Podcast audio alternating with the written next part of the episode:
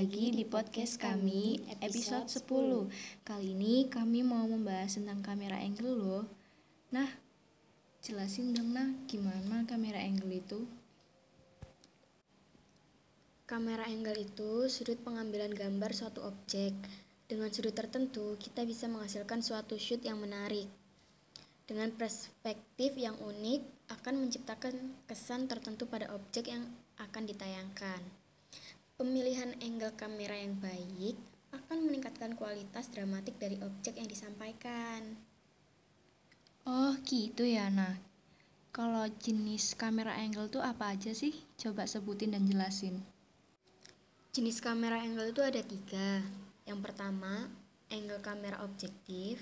Yang kedua, angle kamera subjektif. Yang ketiga, angle kamera point of view. Nah, kita jelasin yang pertama ya. Yang pertama, angle kamera objektif. Kamera ini melakukan pengambilan gambar mewakili pandangan penonton. Penonton menyaksikan peristiwa yang dilihatnya melalui mata pengamat yang tersembunyi. Diwakili oleh kamera Angle kamera ini tidak mewakili pandangan siapa pun dalam film, kecuali pandangan penonton atau netral. Sebagian besar tayangan disajikan dari angle kamera yang objektif. Yang kedua, angle kamera subjektif. Angle kamera subjek, subjektif merekam dari titik pandangan seseorang. Penonton ikut berpartisipasi dalam peristiwa yang disaksikan sebagai pengalaman pribadinya. Penonton dilibatkan dalam tayangan, yaitu ketika presenter memandang ke lensa. Terasa penonton diajak berinteraksi dengan presenter. Terus, yang ketiga, angle kamera point of view. Angle ini merekam objek dari titik pandang pemain tertentu. Point of view adalah objective angle. Oh jadi gitu ya nah Nah untuk tekniknya sendiri tuh gimana sih? Coba jelasin deh. Nah, untuk tekniknya sendiri itu ada lima macam, yaitu low angle, high angle, A level, bird eye view, frog eye view. Nah, kita jelasin yang pertama dulu ya. Low angle.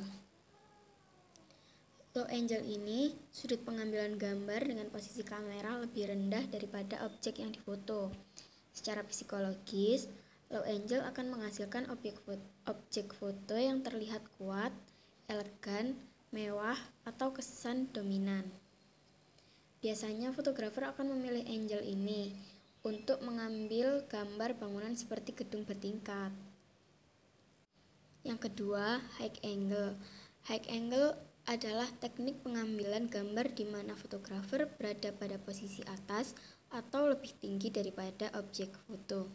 Ketika menggunakan teknik ini, objek akan terlihat kecil sehingga dapat memberikan kesan yang lemah atau interior. Yang ketiga, A-level. A-level atau sudut pandang normal merupakan angle yang paling umum digunakan untuk mengambil gambar. Posisi kamera pada angle ini akan sejajar dengan tinggi objek. Gambar yang dihasilkan dari A angle ini memiliki tampilan yang kurang lebih sama dengan apa yang kita lihat. Biasanya fotografer akan menggunakan teknik A-level untuk mengambil foto dokumentasi atau aktivitas yang sedang dilakukan oleh seseorang. Yang keempat, bird eye view atau biasa disebut dengan dari sudut pandang burung terbang. Sesuai dengan namanya, bird eye view adalah teknik pengambilan gambar dengan sudut pandang dari mata seekor burung. Biasanya, teknik ini digunakan untuk mengambil foto landscape atau cityscape.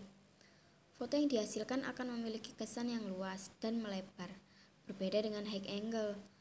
Bird eye view ini tidak memfokuskan lensa kamera pada objek tertentu. Dan yang terakhir, frog eye view. Frog eye view memposisikan kamera sejajar dengan mata katak atau hampir menyentuh tanah. Ketika menggunakan teknik ini, terkadang seseorang fotografer harus berada pada posisi tiarap untuk membidik objek. Angle frog eye view ini banyak digunakan oleh fotografer jika objek foto berada tepat di atas tanah. Oh, jadi gitu ya, Nah. Makasih ya untuk info-infonya. Semoga menjadi bermanfaat. Oke, sampai jumpa dengan kami di podcast selanjutnya. Bye bye. Dah, selamat siang.